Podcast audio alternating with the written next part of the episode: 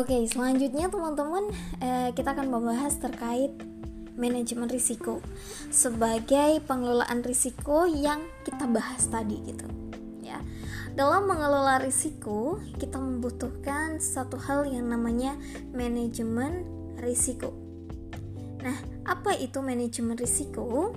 Manajemen risiko ini adalah uh, sesuatu untuk mengidentifikasi mengukur, memantau, maupun mengendalikan jalana, jalannya kegiatan usaha dengan tingkat risiko yang wajar secara terarah, terintegrasi, dan berkesinambungan.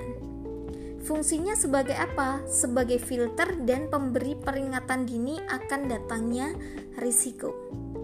Jadi kalau kita memahami risiko, memahami manajemen risiko teman-teman sekalian, Manajemen risiko itu sifatnya adalah menciptakan dan melindungi nilai.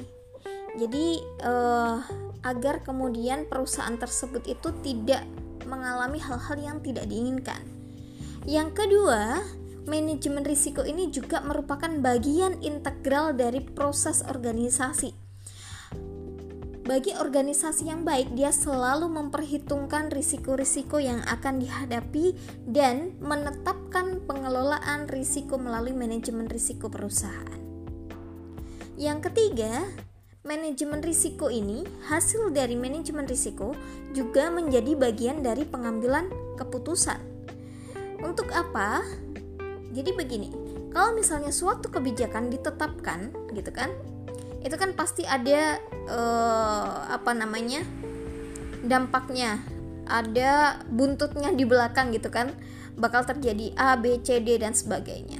Nah dengan adanya pengelolaan identifikasi risiko dan kemudian pengelolaan risiko yang baik maka kebijakan tersebut di belakangnya pasti akan ada poin-poin yang e, menunjukkan bagaimana penanggulangan terhadap risiko tersebut. Gitu yang keempat adalah dalam manajemen risiko itu sifatnya harus sistematis, terstruktur dan tepat waktu. Ya.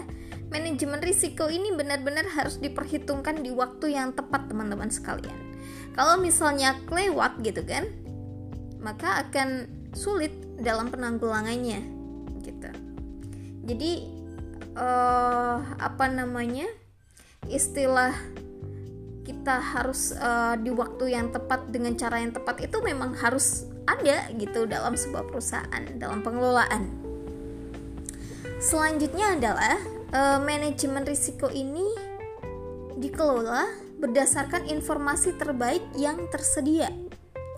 Jadi dengan adanya identifikasi risiko ya kita cari informasi yang paling valid terkait dengan risiko-risiko tersebut, kemudian dikelola ya Itulah proses dari manajemen risiko. Selanjutnya, manajemen risiko juga harus memperhitungkan manusia dan faktor budaya.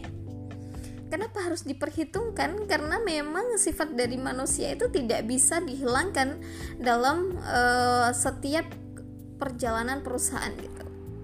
Terutama sifat-sifat ilmiah manusia yang satu misalnya manusia akan selalu memenuhi keinginannya seperti itu. Akan selalu ada nafsu dan sebagainya. Jadi itu bagian dari uh, identifikasi risiko yang harus dikelola juga dalam hal manajemen risiko. Kemudian teman-teman dengan adanya manajemen risiko ini maka akan tercipta cara untuk mengatasi ketidakpastian. Dengan adanya manajemen risiko juga menunjukkan bahwa perusahaan tersebut transparan dan inklusif, gitu kan? Dan manajemen risiko ini sifatnya selalu dinamis, berulang dan harus responsif terhadap perubahan serta dengan adanya manajemen risiko dia bisa memfasilitasi perbaikan secara termenu, uh, secara terus menerus gitu dari sebuah organisasi atau perusahaan. Ini memang uh, bagian dari manajemen risiko ini cukup kompleks dan sangat important, sangat penting.